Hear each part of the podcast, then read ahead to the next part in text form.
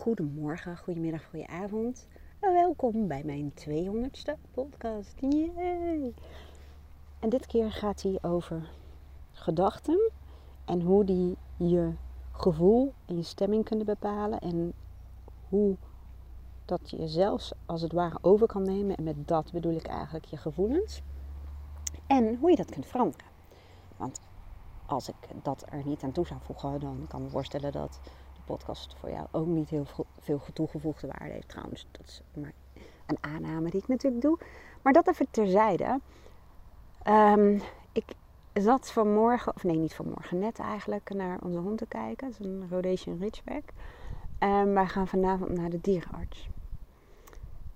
We willen gewoon even wat dingen laten checken. We hebben nog niet zo lang, zeven weken of zo. En ik merkte dat ik daarvoor gewoon wat zenuwachtig ben. En dat ik het ja, ik, ja, ik heb er bepaalde gedachten en gevoelens bij. En daar ga ik zo meteen wel eventjes uh, het over hebben. En hoe ik dat als het ware een soort van ja, getransformeerd is. Ook weer meteen zo'n uh, big uh, word, zullen we maar zeggen. Maar ik heb het in ieder geval wel veranderd voor mezelf, verbeterd. Maar eerst even het onderwerp huisdieren in het kort. Um, want heel veel mensen die mij misschien persoonlijk kennen, die zullen denken... Wendy en een hond. En zag ik nou ook een foto van een kat? Wat is er gebeurd? Ik was altijd de persoon die zei: Ik wil geen huisdieren. Al die haren en gedoe en beperkt je vrijheid en la la la la la. En Aaron wilde altijd wel heel erg graag huisdieren. En Luca ook. En uh, nou ja, op een gegeven moment ben ik me een beetje gaan verdiepen. En mijn dochter heeft ook katten. En ach, ik vind ze toch eigenlijk ook wel heel schattig. En op een gegeven moment zei ik: We gaan het gewoon doen. Zeg maar dan wel twee kunnen ze met elkaar spelen. Goed, zo gezegd, zo gedaan. En uh, over manifesteren gesproken. Binnen no time had mijn dochter uh, twee kittens voor ons geregeld. En de persoon waar we de kittens van zouden overnemen, die werd met spoed geopereerd. En wel grappig, want we kennen elkaar eigenlijk helemaal niet persoonlijk. Maar die vroeg ons of wij misschien de kittens eerder wilden nou ja, meenemen, zullen we maar zeggen. Alleen ze waren nog heel jong en ze uh, dronken nog bij de moeder. Ze waren in totaal met drie kittens. Dus we hadden echt zoiets, ja weet je, laten we dan maar gewoon voorstellen om zowel de moeder als de drie kittens in huis te nemen. Zodat hij gewoon uh, nou ja, even met die operatie bezig kan zijn. En wij kunnen zorgen dat, uh, nou ja, de kittens goed opgroeien. En dat die moeder ook niet uh, meteen zo volga kittens hoeft te, te, af te stoten, zullen we maar zeggen. Je snapt wat ik bedoel. En ik werd afgeleid om me afstoten alsof ze dat doet. Maar je snapt wat ik bedoel. Anyway. Soms word ik echt afgeleid door mijn eigen hoofd. Maar we gaan gewoon vrolijk verder. Nou, goed. Toen hadden we het ook over een hond. Al ook een tijd. Nou, dat is echt Arends droomwens. Een van zijn droomwensen. En uh, nou ja, we wonen nu in het bos. En uh, we hebben de ruimte. En uh, als waakhond is het ook niet heel erg verkeerd. Nou, en vorig jaar zei ik, nou, dan zou ik wel een hond willen die al wat ouder is en heel goed opgevoed is. En zus en zus en zus. Dus ik had een heel riedeltje aan, aan wensen. En uh, ik zeg, puppy, dat, dat wil ik gewoon niet. Dat, uh, daar moet je in mijn beleving gewoon echt commitment voor hebben. En de aandacht en de focus. Nou, dat kon ik gewoon niet opbrengen. Omdat ik dat gewoon niet leuk vind, denk ik. En ook de tijd niet voor uh, wilde maken. Dus nou, zo gezegd, zo gedaan. En toen kregen we uh, oh nee, toen appte Aaron met die jongen van... Goh, maar je hebt ook een hond. Hoe ga je dat dan uh, regelen? Nou, uiteindelijk uh, kwam aan ons het verzoek of we misschien de hond ook een tijdje in huis wilden hebben. Dus nou, dat hebben we gedaan. Dus dat was voor mij een prima gelegenheid om aan een hond te wennen. Dus je kunt je voorstellen, geen huisdieren. En in één keer reed Aaron ochtends naar zijn werk. En zat ik daar met drie kittens, een moederkat en een hond.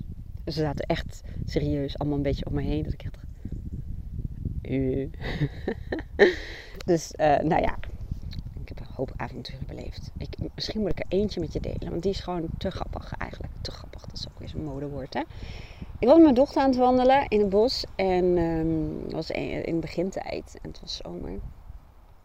En op een gegeven moment uh, had ik die riem vast. En ik zag dat die riem een beetje langs de kont van die hond ging. Maar de hond ging, nou ja, poepen, zeg maar.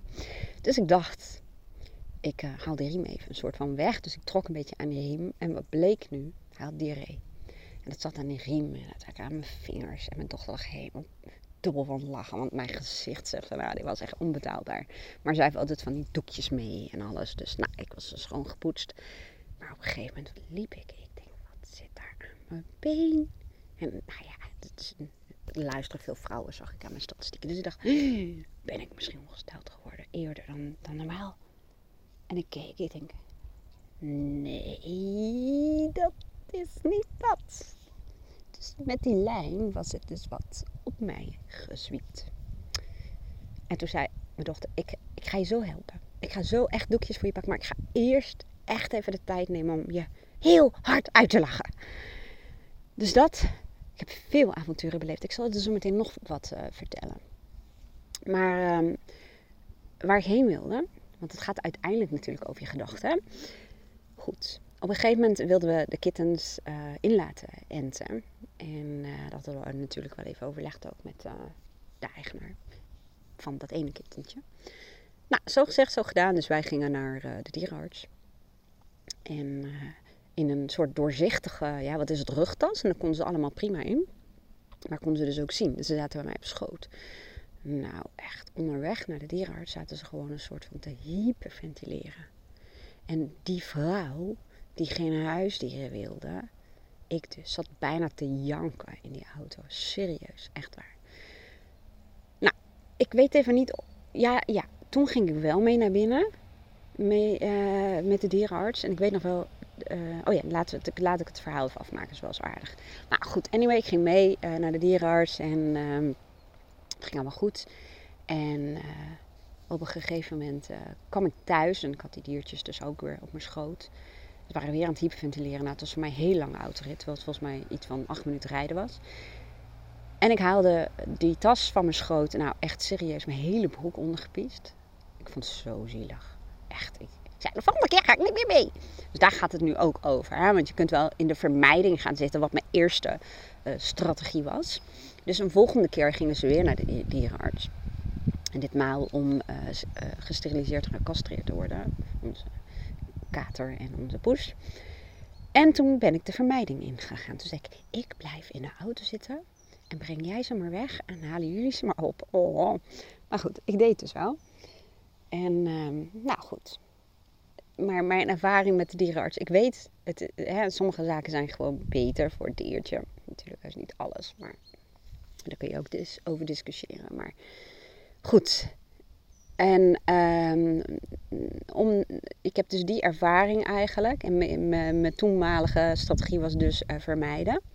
Maar vanavond heb ik ook gezegd van dat ik het goed vind. Het gaat natuurlijk ook over waarden en je visie over, over ja, opvoeden en hoe je samen als gezin, als team functioneert.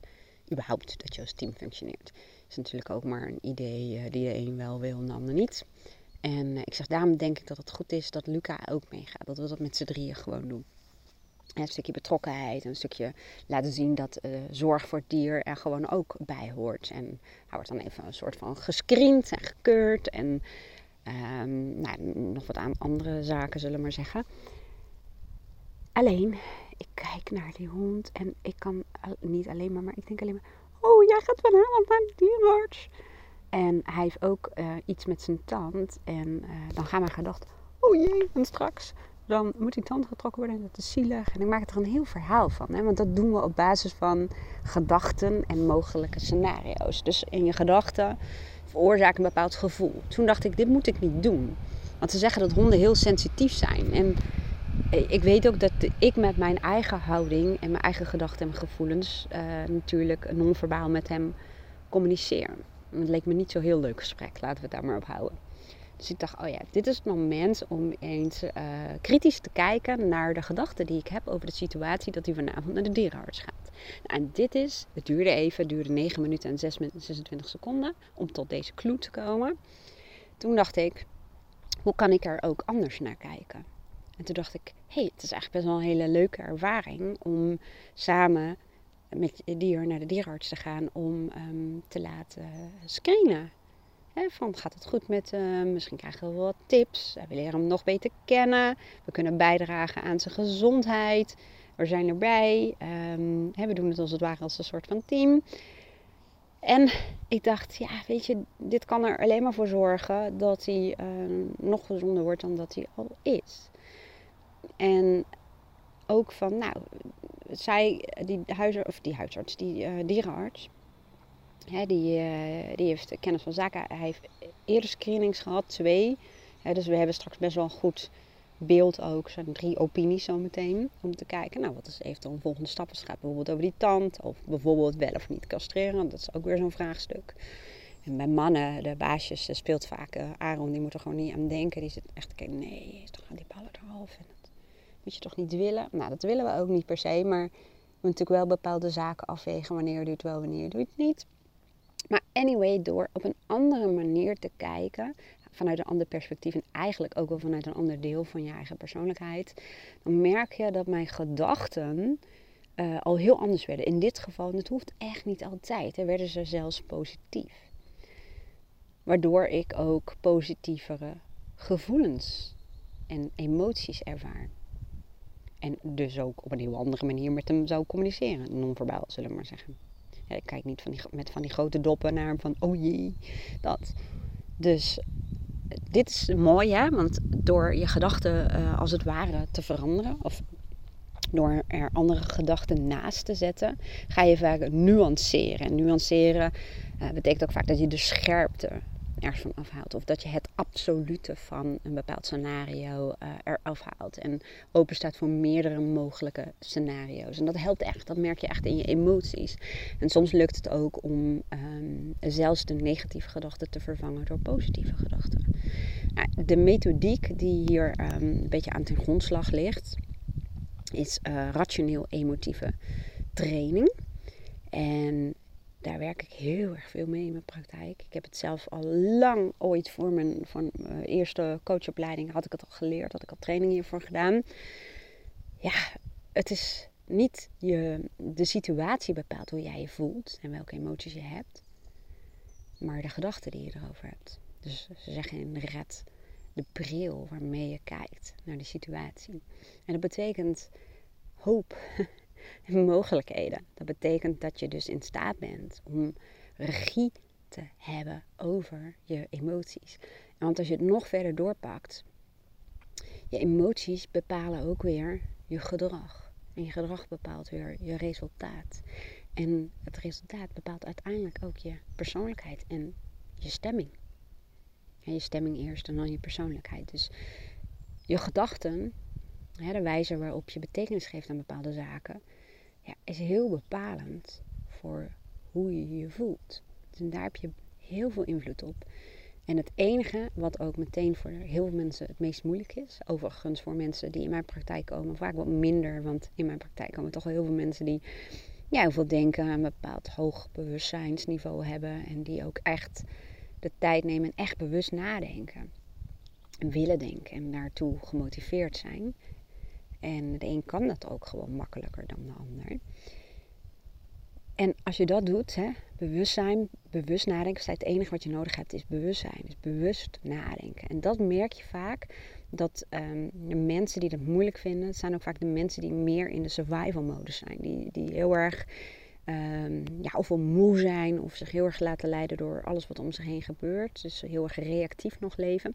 En dan kan het best wel een hele uitdaging zijn om uit dat patroon te komen. En dat is dan wel absoluut het voordeel.